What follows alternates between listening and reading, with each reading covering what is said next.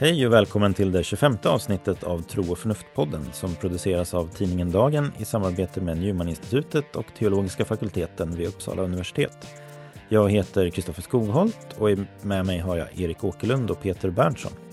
Idag kommer vi att samtala om Mikael Kurkialas bok När själen går i exil om modernitet, teknologi och det heliga. Så varmt välkommen till programmet.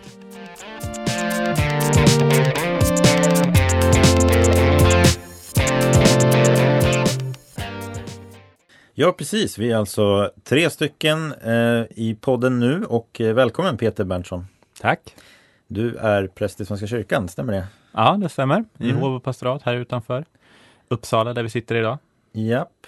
Och en vän till podden kan man väl säga. Mm. Har följt den sedan den började. Ja.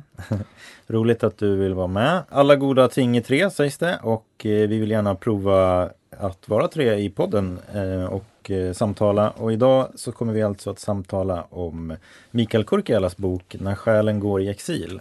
Och Mikael Kurkiala är ju kulturantropolog och verksam som forskare vid eh, Svenska kyrkan här i Uppsala, alltså kyrkokansliet. Och eh, han skrev den här boken i, kom ut eh, under förra året och Mm. den har ju under rubriken Modernitet, teknologi och det heliga. Och när jag läste den så tänkte jag lite på eh, en bok som heter The Human Condition som Hannah Arendt eh, har skrivit, en 1900-talsfilosof. Och man kan väl säga att det han försöker göra i den här boken är att beskriva hur det är att vara människa i moderniteten. Mm. Mm. Han ger en kulturkritik i grunden och kritik då är den bemärkelsen kritisk reflektion eller att han funderar på vad det innebär. Mm. Sen kommer han ju fram till en ganska kritisk hållning i betydelsen negativ hållning också, men i grunden så är det eh, den där typen av kritisk reflektion kring eh, vad moderniteten och att leva i den innebär för människan. Jag tycker också att han använder sig själv som ett redskap i den kritiken. Han återkommer hela tiden till sin egen smartphones eh, plingande aviseringar som Mm. ett, för att gestalta teknologins problem för Mm. oss. Liksom. Och, och möjligheter i någon mån, men eh, Mm. kanske mest problem tycker jag. Mm. Ja, Ja, det är på det sättet en väldigt lättläst bok eh, på ett väldigt bra sätt. Dels på grund av det du säger Peter med att han, han kommer tillbaks till, till sig själv eh, och olika situationer som, som man själv känner igen. Eh, när det gäller Mm. iPhone som sagt eller barn och barnhämtning och, eh, och annat som upptar ens liv i den moderna världen. Och dels för att det är ett väldigt flytande och fint språk. Och många eh, många en, enskilda rader som är, är, väldigt träffande och, och fint formulerade. Ja. Han beskriver sin egen upplevelse av sin barndom som att han levde i en ganska förtrollad värld. Mm. Eh, en väldigt så här, starkt meningsbärande värld som kännetecknas av en förundran så att säga, Mm. över tillvaron. Men i moderniteten så sker ju någon slags förändring i den grundläggande synen på världen. Och den går, det är ju mycket den mekanistiska världsbilden där som blir problemet också. Men beskriver han sin barn, alltså är det barndomen han beskriver eller beskriver han en, alltså han växte ju upp under moderniteten. Så det är väl snarare vuxenblivandet i moderniteten Ja. som skapar den här Ja. avförtrollningen. Ja, jo men precis. Så det är ju, det, det är ju exakt, han, han som barn kunde han Mm. leva i en mening då i en förmodern värld. Mm. Men, och, och han så. Men, Det kanske är värt att packa upp lite de här begreppen med modernitet, förmodern. mm, eh, absolut. Vad tror ni? Absolut. Mm. Ja, men det är väl som du var inne på Peter, där med mekanistisk världsbild. En mekanistisk... Det var jag. Ja, var det du? Förlåt. Det, det blir så förvirrande när vi är tre Ja. stycken här. Jag måste jag hålla reda på, Ja, på precis. två namn. Men, men jag säger allmänt, någon, någon tidigare pratade här om en mekanistisk eh, Ja, Mm. världsbild. ja. Eh, och det är väl en, en, en del utav. Som man brukar koppla till upplysningen, inte minst 1600-1700-talets Mm. förändringar i Europa, inte minst. Att man börjar se på världen inte som en, ett sammanhållen helhet under Guds försyn och eh, livgiven, upprätthållen av Gud, utan snarare som ett, ett, en mekanisk, eh, ett, som en klocka, som en urverk, en urmakare eventuellt har en gång skapat och stoppat dit men sen tagit bort sina händer och nu går den 100% för egen del. Liksom. Mm. Eh, Eller så skapades den och sen så har det ledit, lett till en mer eh, ateistisk eller naturalistisk eh, synsätt helt och hållet. Mm. Grunden är väl någonstans också alltså att det, det objektiva är neutralt och all, all mening och så är liksom subjektets blick på världen. Mm. Och det där gör ju också, det är han inne lite grann på att alltså världen blir i en mening, så- eller världen blir ju tom. Och så är Mm. vi, vi blir de enda som värderar saker. Så Mm. att säga. Och, så, och, då, och det där kopplar han ju också då till en, en slags, att vi får ett väldigt instrumentellt förhållningssätt till, Mm. till naturen. Alltså någonting jag, jag tänker på när jag läser, och det är väl ändå eh, kanske en kritisk kommentar, är att eh, den moderna världen känns väldigt homogen i hans, eh, i hans eh, beskrivning. Nu pratar vi om att vi lever i en postmodern värld och det innebär ju dels att den värld vi lever i nu är mångfaldig, den är inte enhetlig. Att säga. Men det handlar ju också om att kanske upptäcka att historien inte heller har varit så enhetlig. Under moderniteten till exempel så har det funnits olika minoriteter som inte är med i, i det här, den moderna världens språk. Och det betyder inte att de inte är moderna, men det är kanske mer utav en alternativ modernitet, tror jag Joel Halldorf pratar om ibland. Som Joel Halldorf refererar ju själv. Men vi kanske måste först fånga vad han menar, alltså den här så att säga, generella moderniteten. Så att säga. Ja, Mm. Vad är det som kännetecknar Ja, den då och hur har den uppkommit? Mm. och så. Ehm, jag kommer att tänka på eh, en text eller ja, ett tal då som Joel Halldorf höll när han fick det här Per Beskow-priset. Ehm, och i den så inleder han med att, att säga då att han tänker sig att moderniteten kännetecknas av ett grundackord av olika dikotomier. Och det tycker jag stämmer väl in också i hur, hur Kurkialas så att säga, analys är. Mm. Och, och, och relaterat till den mekanistiska världsbilden så blir det ju så att säga en dikotomi mellan eh, ja, verk, den objektiva verkligheten och mm, den meningsfulla verkligheten. De Mm. är liksom i helt olika sfärer så att säga. Och det är någon slags splittring. Kurk, Mm. Han säger i början på sida 33, eh, så säger han så här, Kurkiala, alltså. Denna in, inneboende begränsning i naturvetenskapens, eh, ja, man kan säga vad naturvetenskapen kan uttala sig om. Den blir ett problem först när de naturvetenskapliga perspektiven får en så privilegierad ställning att den då diskvalificerar andra sätt att tänka.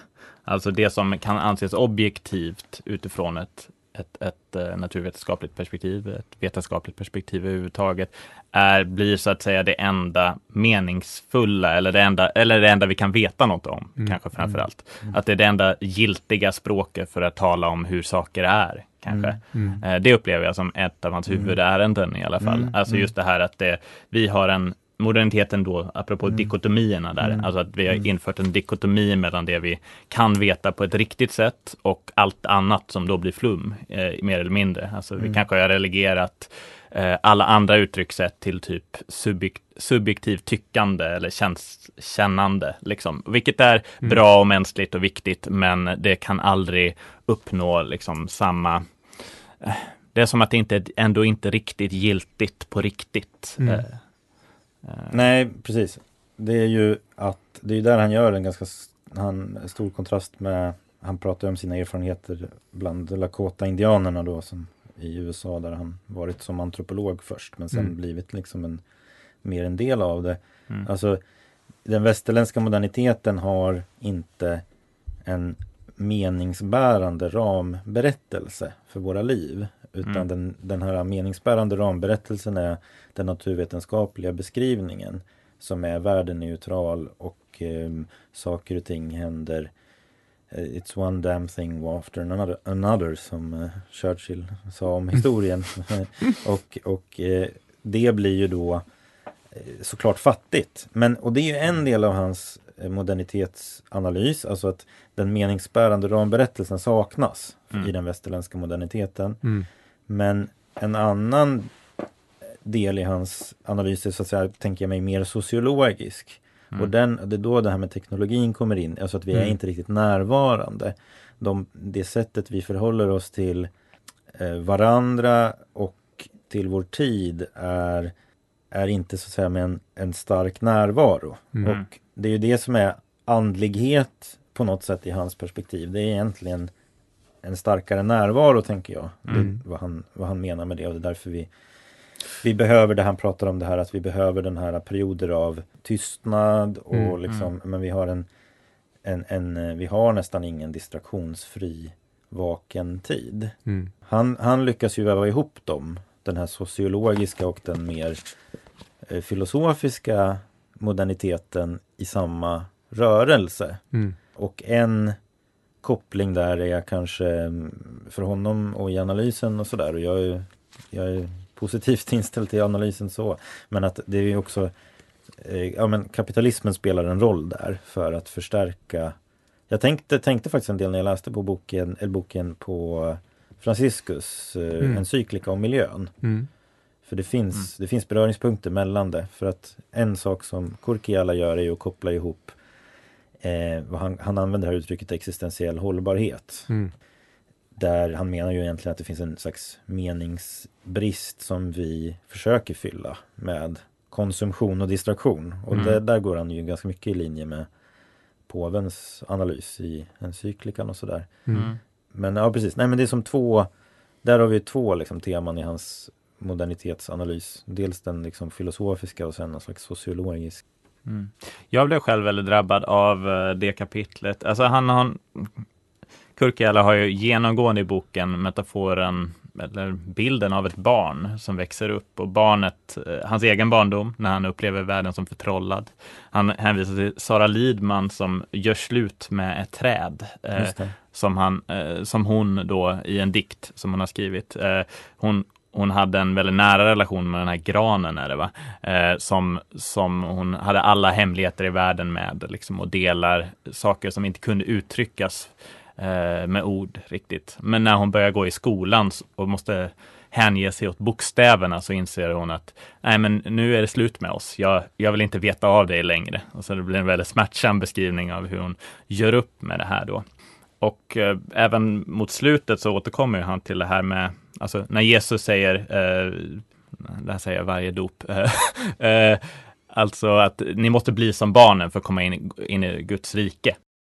Alltså att ni måste bli som barnen för att komma in, in i Guds rike, helt enkelt. Eh, och eh, att, att vi ska liksom likna barnen för att kunna, ja, komma, i, komma in i Guds rike, komma i kontakt med det gudomliga på något sätt. Och, det, och han problematiserar det där på något sätt. Eh, Men eh, jag tycker att det är så träffande, apropå det här mer praktiska då, med teknologin, så pratar han ju om att eh, eh, man har liknat den vuxnes medvetande med en, eh, med en stilla flod. Ungefär vid sekelskiftet var det någon forskare som gjorde det. Medan barnet är som en vår, vårbäck som flyr åt alla håll. Så här.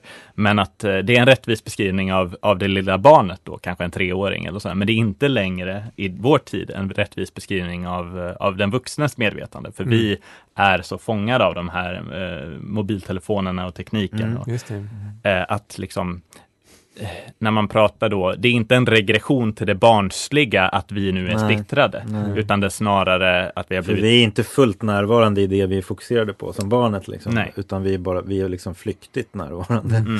Ja, nej det är ju, och det, precis, och han tar ju upp den här Lars Svensson, en filosof, ganska ofta som pratar om att kulturen har liksom en eftersläpning i relation till teknologin. Mm. Vi har liksom inte utformat en kultur för att hantera teknologin Mm. Mm. riktigt. Så, och det tycker jag, det tror jag det ligger en hel, en hel Mm. del i liksom. Mm. Alltså just han kallar det för distraktionsindustrier. Det är Mm. ganska, och han gör den där kopplingen också att förr var information en bristvara men Mm. upp, det fanns gott om uppmärksamhet. Mm. Nu finns det nästan ingen uppmärksamhet men det Mm. finns hur mycket information Mm. som helst. Men jag tycker just att det är en väldigt, för mig var det en, en återkommande nyckel till att förstå hans tes lite, eller lite problemformulering genom hela den här boken. Det här med barnet, alltså som växer upp i en förtrollad värld, men sen på något sätt erfar den smärtsamma eh, förlusten av den världen. Mm. Och att på något sätt vi alla känner igen oss i den, i den förtrollade barndomens, eh, liksom, och hur den har försvunnit. Liksom. Och, och frågan är då, kan vi gå tillbaka dit? Alltså kan vi gå tillbaka till den första naiviteten, så att säga, den första, den förmoderna världen kan man också tänka. Mm. Den för, den, Ja.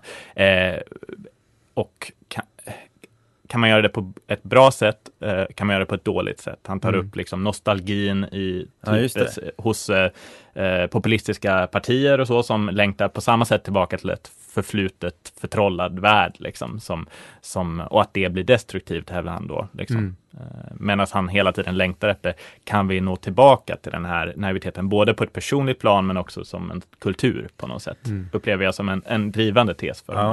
Ja, och, och där finns det en, en viss spänning i hans resonemang, tycker Mm. jag, mellan alltså frågan om den här uh, större meningen, Mm. om den bara emanerar från oss eller inte. Eh, för att jag tror att den, för att den liksom ska kunna vara den här större meningen så måste det vara någonting jag går in i Mm. och blir gripen av. Så jag Mm. kan inte fullt ut ha kontroll över den. Den Mm. kan inte vara min konstruktion. Liksom, eh, fullt ut. Och där tycker jag att han liksom, det, han vacklar lite mellan olika perspektiv. Och ibland upplever jag att han så att säga avskriver den här eh, föreställningen om att det finns en objektiv mening som när till exempel diskuterar mänskliga rättigheter. Han menar så att, säga, att Mm. det här är fullständigt fruktlöst att fundera på om det finns någonting sånt. Mm. Mm. Eh, men jag håller inte med om det. Mm. Och jag får, så att säga, då, då tänker jag lite så här, ibland, det blir lite så här Surt sa räven om rönnbären, alltså om man, in- det är ju ett talesätt om man, Mm. räven når Mm. inte rönnbären så därför kallar de dem för sura liksom, Mm. jag vill inte ha Mm. dem. Men att det blir lite en, en sån uh, liksom förhållningssätt. Jag tycker att han har Mm. ett ganska bra, en väldigt intressant analys av hur han, han menar att Gud kan bli en avgud i de- den Mm. bemärkelsen att Gud blir ett objekt så att säga, Mm. alltså på samma Mm. nivå som stenar och träd och, och liksom stjärnor och så vidare. Och är Gud ytterligare ett objekt i universum så blir Gud en avgud. Mm. Mm. Men en annan aspekt av avguda gudarna är ju att de är helt och hållet våra konstruktioner. Mm. Ehm, Mm. Så att, eh, alltså just det här duet som han hela tiden efterfrågar. Eh, jag, han, han, han, han beskriver egentligen moderniteten som gör en process som, som gör att hela min omvärld blir objekt. Mm. Blir Mm. det. Just. Men då kan jag inte träda in i den här relationen som gör att jag blir människa. Liksom. Mm. Men det här duet, om det ska vara ett du, kan ju inte vara min konstruktion. Nej. Mm. I Gamla Testamentet finns den här berättelsen om eh, Hagar som är Abrahams eh, tjänsteflicka. Mm. Eh, och när hon går ut i öknen, hon flyr ifrån Abraham och Sara då. Och så säger hon att hon, hon, blir- hon blir ju tilltalad av Gud där och så säger hon eh, Har jag här fått en skymt av honom som ser mig? Mm. Och, och den, den beskrivningen tycker jag är en ganska vacker Mm. beskrivning av att jag har inte Gud i min kontroll men han ser mig. Han, Mm. han är liksom Jag har fått en skymt av, jag har honom inte liksom inom mina Mm. eh, inom min kontroll så att säga, men han är föregår mig. Så att säga. Och, Mm. Mm. och i den meningen så tänker jag mig ibland då att jag läser, när jag läser honom att han är så att säga mer modern än vad han själv vill vara. Mm. Ehm, för han, han har i en bemärkelse köpt att sanning är begränsat till den empiriska verkligheten. Och eftersom Gud Mm. inte kan reduceras till ett objekt i den empiriska verkligheten så är inte Gud en del av den objektiva verkligheten. Den- Den empiriska och den språkliga verkligheten. Nej, precis. Ingenting vi kan prata om då. Och där, håller jag, där är det också en intressant fråga. Är, Gud, är det så att säga språket begränsat till det empiriska? Det, poesin Mm. säger, skulle ju så att säga antyda att det inte är så. Mm. Visst. Eh, Mm. Så, så, så det finns en intressant, för att det är också, han skriver ju Men det är det Mm. som är så svårt att veta för han vill ju förstås inte gå in och prata om det. Alltså han lämnar ju en sorts glimtar öppet för det där andra. Mm. Men det är, det är ju i då i tysta rum eller när han, när han beskriver när han är hos indianerna så är det ju ändå så att han är någon utifrån kommande och inte är en del utav det. Erfarenheter kan möt, öppna oss för det eviga eller vad han nu vill använda för begrepp. Just det, men det Eh. kan in, egentligen inte, det kan aldrig riktigt, och det är, relateras verkar det som till den här splittrade världen som vi, som vi lever i dagligdags. Mm. Det är väl det som är, blir Att den inte kan det problemet. eller? Ja, precis. För som du säger, Mm, alltså, mm. han, eh, för att någonting ska eh, eh, för att det ska vara Gud så att säga så är det ju någonting annat som så att säga upptäcker mig och jag blir gripen utav. Men det tycker jag att han lämnar öppet för. Även om man förstås inte vill prata om det eller kan prata om det med tanke på vad han menar är språkets begränsningar. Men han lämnar ju det ändå öppet att han, att han erfar någonting sånt där. Jo, fast samtidigt säger han ju Peder Thalén, citerar Peder Thalén, så det är helt meningslöst att fråga sig om Gud finns och Ja, Guds visst. existens. Och där tänker jag mig att det blir också en del av den här uh, Mm. surt sa räven om rönnbären eftersom han lite senare säger också att liksom min, min brottning är hur kan jag bejaka en livsberättelse existentiellt och intellektuellt. Eller Mm. livsmening intellektuellt och Mm. existentiellt. Så när jag läste det här så funderade jag på, jag känner igen så mycket i det han skriver och är väldigt sympatiskt och så inställd till Mm. hela boken. Och samtidigt så tycker inte jag alls att de här frågorna som, ha, som, som handlar om, om liksom de intellektuella förutsättningarna för tron är meningslösa och det verkar inte han heller tycka. Men jag undrar om det blir, blir lite grann en försvarsmekanism för att slippa gå in i, i den där plågsamma Det finns ju en eh, självbiografisk aspekt Ja. även i den kritiken. Alltså när han beskriver till exempel sin egen konfirmation då i Ja. Finland, eh, där han gick i skriftskola. Mm. Och att han, eh, han upplevde det som så, delvis så olidligt tråkigt, men framförallt så kognitivt. Så, så mycket att det handlar om trosuppfattningar som jag ska ha i huvudet och försanthålla. Mm. Och att han värjer så, så väldigt mycket nu som vuxen mot den förståelsen av vad tro överhuvudtaget ska handla om. Mm. Det ska handla snarare om en tillit, det ska handla om en erfarenhet som föregår det vi kan uttala oss om. Liksom att eh, alla de här, ja men eh, han, och då så speglar han ju det i sin antropologiska erfarenhet av eh, till exempel Lakota-indianerna som han har varit väldigt nära och deltagit i olika ritualer hos. Och han vänder, han titt, granskar ju en kritisk blick mot vår, vårt samhälle där vi alltså ska börja i det logiska och sen kan vi utgå. Jo, och där, Ja. jag tycker han har jättebra poäng Verkligen. i det och det är en sak jag tänkt när jag lyssnade på honom också. Han höll ett föredrag som jag var och lyssnade på och när jag läste boken också. Just Mm. att en utmaning blir ju för kyrkan att Mm. erbjuda människor en plats där de kan växa och fördjupas andligt även om de inte är beredda att sätta en etikett på sig själva Mm. först. Och vi, vi, jag håller verkligen med om att kyrkan behöver bereda fler sådana platser. Eh, absolut, det gör jag. Men jag, jag kanske, men det är liksom Det jag tänker är väl att för mig så blir det en, en, en, en plats som idealt sett kan beredas samtidigt som kyrkan är trygg i sin egen Mm. förkunnelse som, som man får närma sig i den Mm. utsträckning man eh, kan göra på ett autentiskt sätt. Men det behöver inte, liksom, det är också därför Och där är Mm. väl, det kanske vi har varit inne på tidigare, men den här eh, uppdelningen eller skillnaden mellan eh, sanningsexklusivism å ena sidan och frälsningsexklusivism å andra, där han Mm. sätter samman det här med att ha ett sanningsanspråk med att säga att alla andra är är eh, Utanför Guds nåd. utanför Mm. Guds nåd. Ungefär. Mm. Det behöver man ju eh, inte göra. Det ligger ju i sagens natur att man, när man kommunicerar och pratar, han gör ju också förstås sannings Mm. anspråk. Så det är klart att man kan ha vara, vara tydlig med det, men samtidigt handla på, på olika sätt i, eh, i världen uti, utifrån det. Mm. Alltså jag en sak som fascinerade mig genom hela den här boken, det är att han börjar att beskriva den här tragiska Guds död liksom i västvärlden. Att vi har liksom förlorat tron på en stor berättelse, att vi har förlorat en gemensam eh, värld att befinna oss i. Och att han liksom längtar efter den. Men jag, just den här, han värjer sig i slutändan mot att de berättelserna ska Ja, men det här med som du sa, att han ändå har den här väldigt moderna bilden av det där som gör att han måste värja sig mot att helt delta i en religiös gemenskap till att Eller ändå. gå in i så att Ja. säga och bli en del utav på, på det sättet, på en Ja. mer fastare del och, och bära vidare.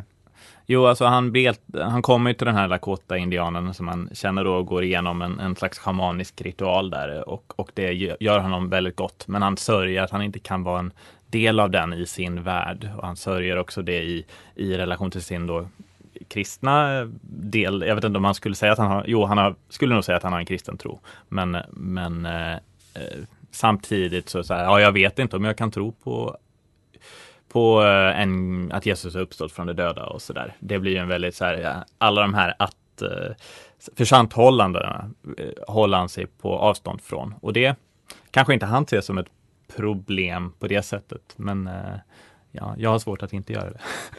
alltså i meningen om man ska uttala sig normativt inom, från en tradition, så att säga. Om man ska förmedla en tradition vidare, Mm. eh, så blir det ett väldigt distanserat sätt att se på den egna eh, traditionen i alla fall, Mm.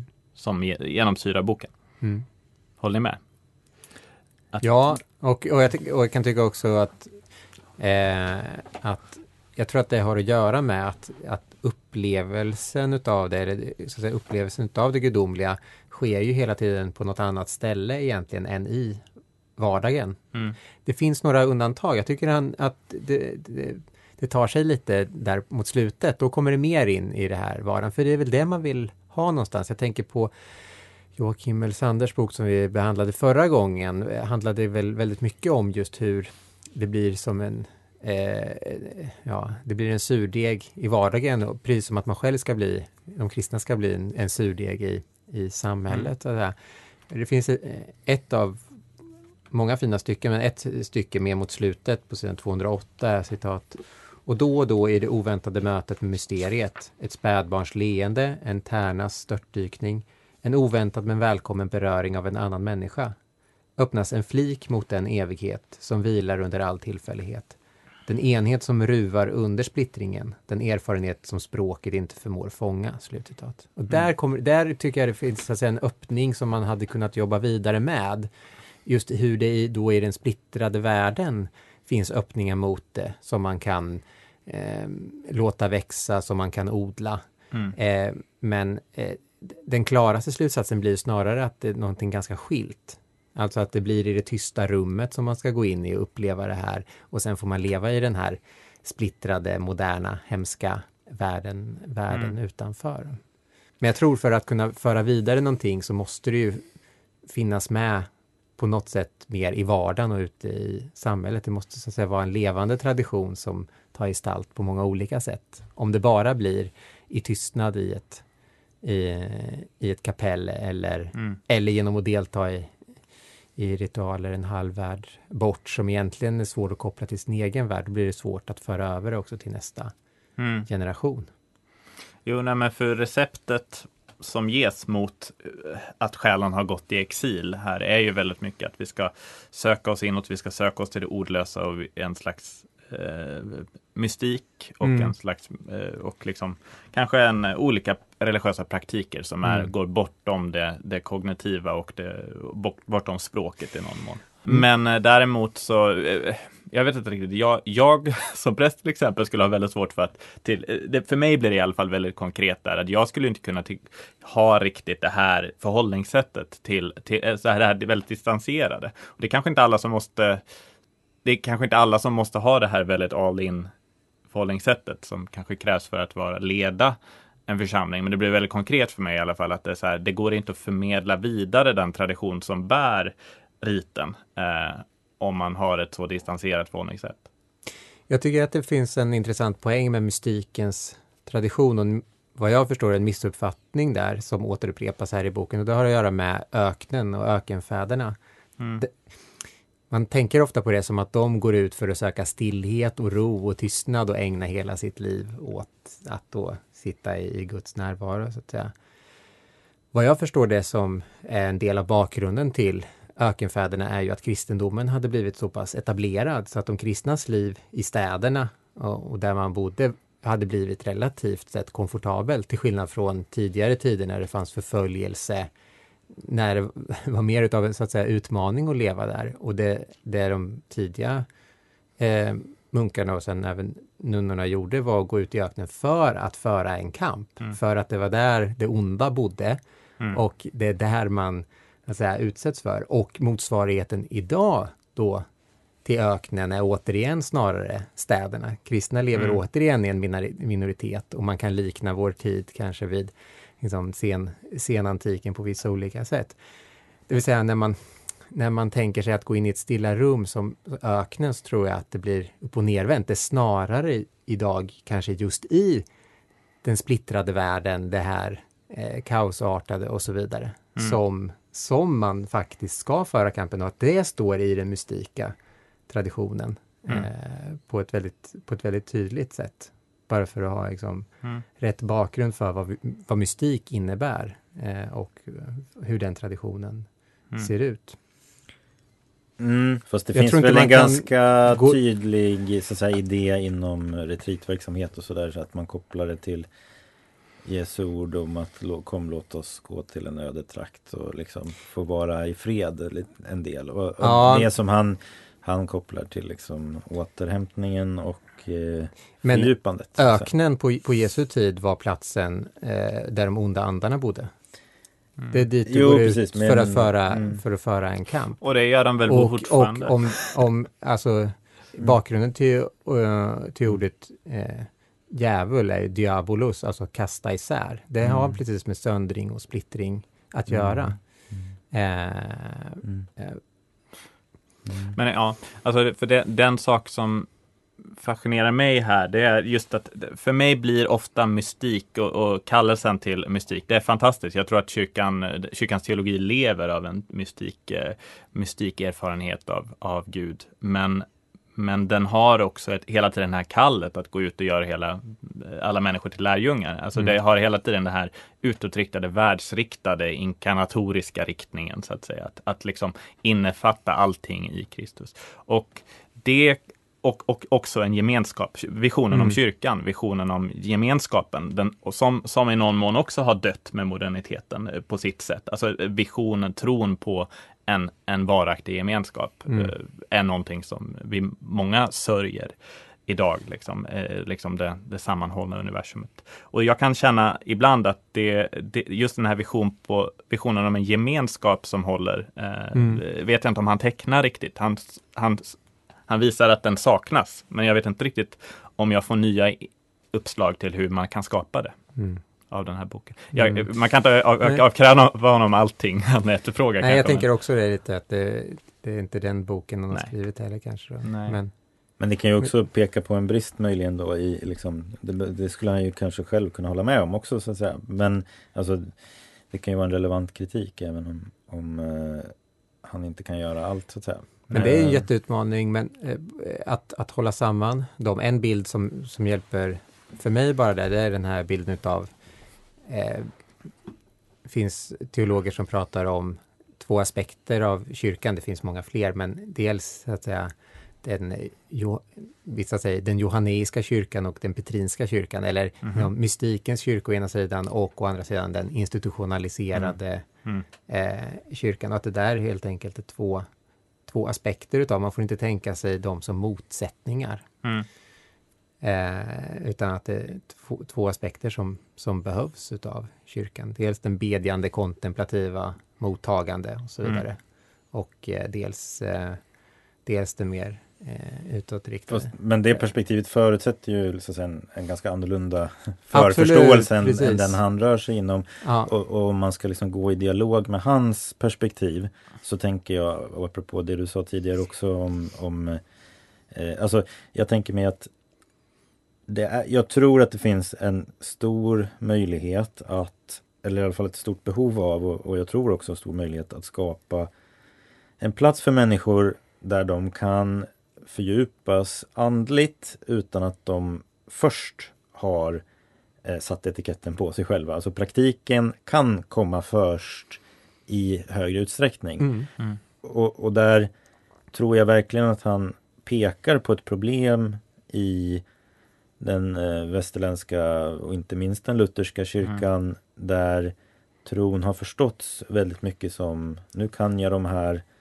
nu kan jag det här trosinnehållet. Så att säga. Mm. Och han, han pratar ju om en, en så att säga, möjlig fetischering då Mm. av när språket så att säga, frikopplas från, från den religiösa erfarenheten egentligen. Och eh, jag tyckte faktiskt att det var lite intressant att koppla till, han, han har ju ett exempel i boken han pratar om hur framväxten av GPS har förändrat hur vi orienterar oss i världen Mm. såklart generellt men han tar upp inuiterna då till exempel som hade lärt sig orientera sig i, i, Mm. liksom, eh, i snölandskap som är väldigt svårt och sådär. Mm. Och jag tror att det finns en slags motsvarande fara i att man som kristen förhåller sig till kyrkan på det sättet.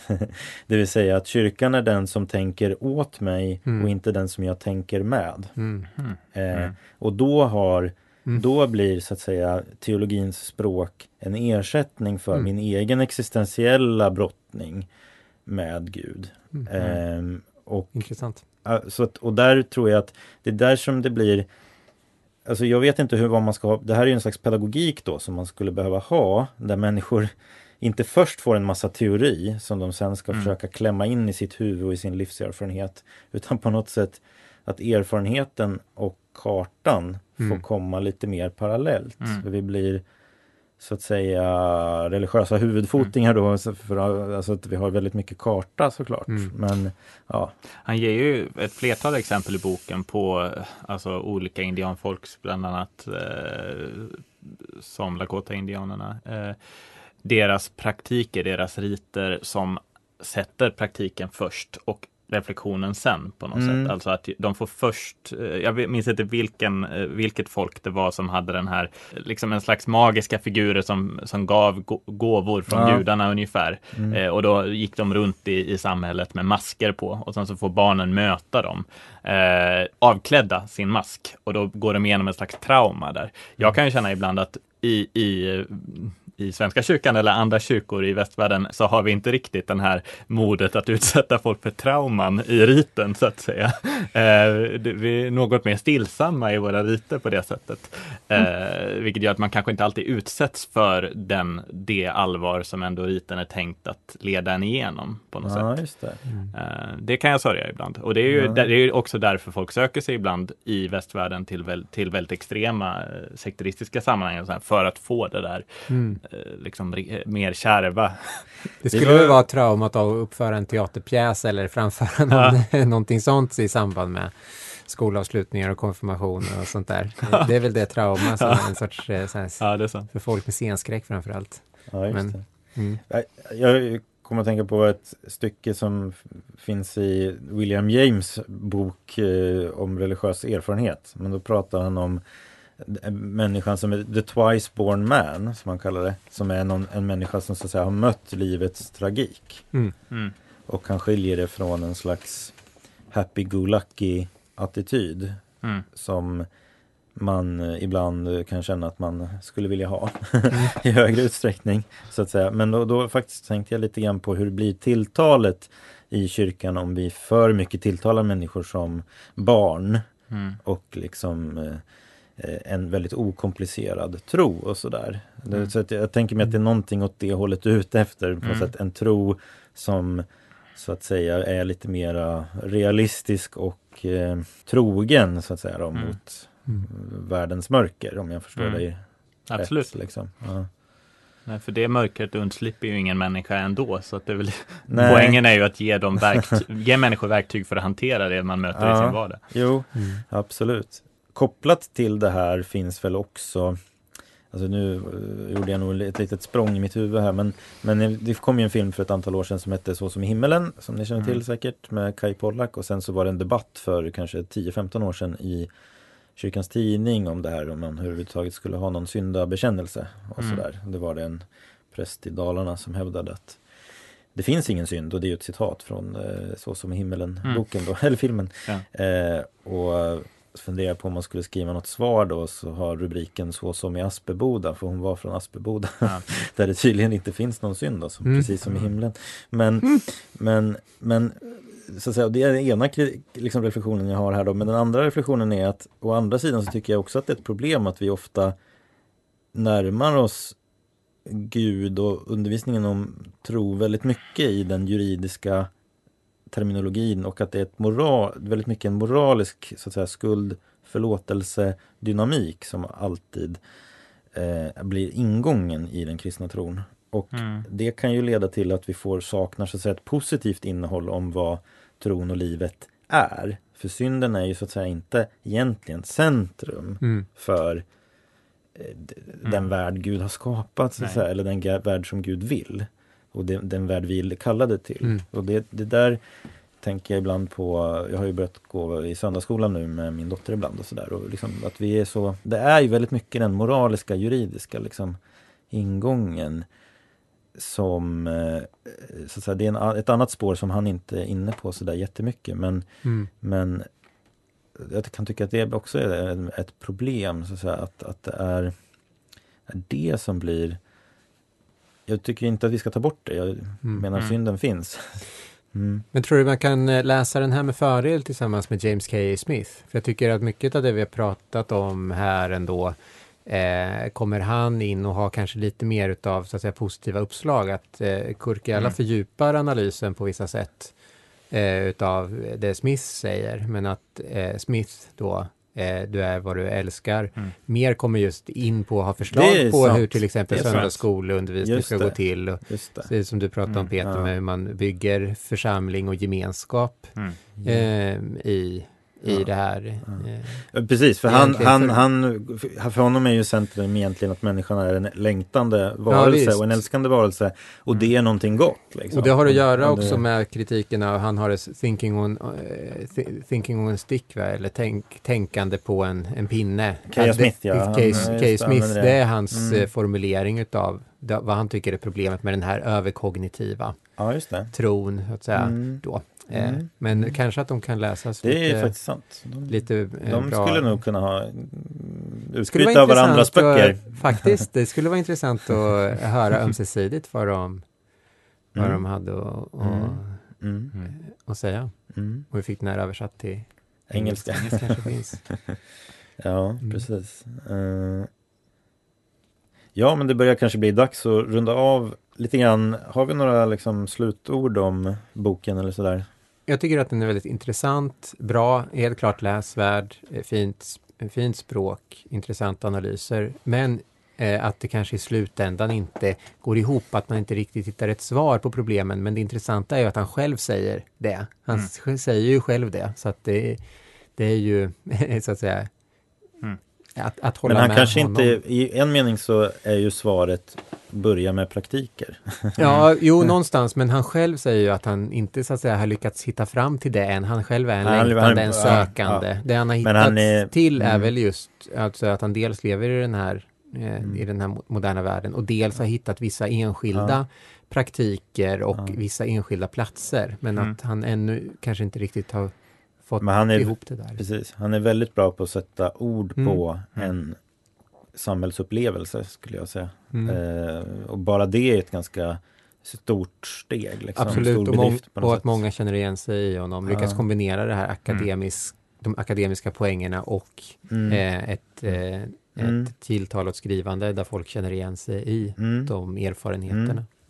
Ja, jag kommer ta med mig den här boken som en utmaning, inte minst som liksom, det här är bland de, jag blev så imponerad bara från de första sidorna av hur han liksom gick straight to the point hela tiden med liksom, det är det här jag ser som problem och den här analysen, den här Mm. analysen och, och hur det, hur, och han gör det personligt hela Mm. tiden. Det är inte distanserad kritik och han är hela tiden nyanserad. Men som, som vi sagt, det är inte alltid han kommer med svaren på sina många goda frågor.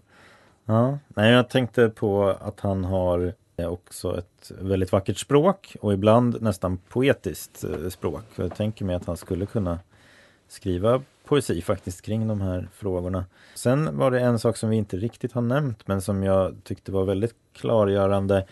Och det har att göra med det här huruvida när Gud blir ett objekt så att säga. När han, han, eh, han beskriver det som att i moderniteten så går Gud från att vara liksom bakgrund till att bli förgrund. Så att säga. Gud är, om Gud är den vi lever, rör oss och är till eller om han som, den som liksom inom vilken universum finns. Mm. Eller om Gud blir ett eh, objekt i universum då. Och då kommer jag att tänka på David Bentley Harts bok som du och jag läste för ett och ett halvt år sedan eller vad det blir. Mm. Som ju eh, gör kan man säga samma läsning där av hur och, och det där är ju intressant för att det blir liksom ihop, man kan koppla ihop det med Mm. tanken på huruvida vårt språk om Gud är univokt. Så Mm. alltså att de, våra ord om Gud har samma betydelse som Mm. när vi pratar om tingen i världen. För då liksom reduceras Gud till världens nivå eller tas ner på Mm. världens nivå. Och då blir det också den eh, gudsbilden blir så att säga mindre robust eh, Mm. filosofiskt. Då. Eh, Visst. Och sådär. Men framförallt skulle jag säga att han, han lyckas ja, sätta ord på en existentiell upplevelse Mm. liksom, av moderniteten och så. Mm. Eh, ja, tack så mycket för att ni har lyssnat idag och vi vet inte ännu vad vi kommer att prata om i nästa avsnitt. Men eh, om ni har feedback eller förslag på saker att ta upp i framöver så kan ni mejla oss på tro och förnuft gmail.com. Tack för att ni har lyssnat och vi hörs snart igen. Hej då! Tack, hej. Hej då!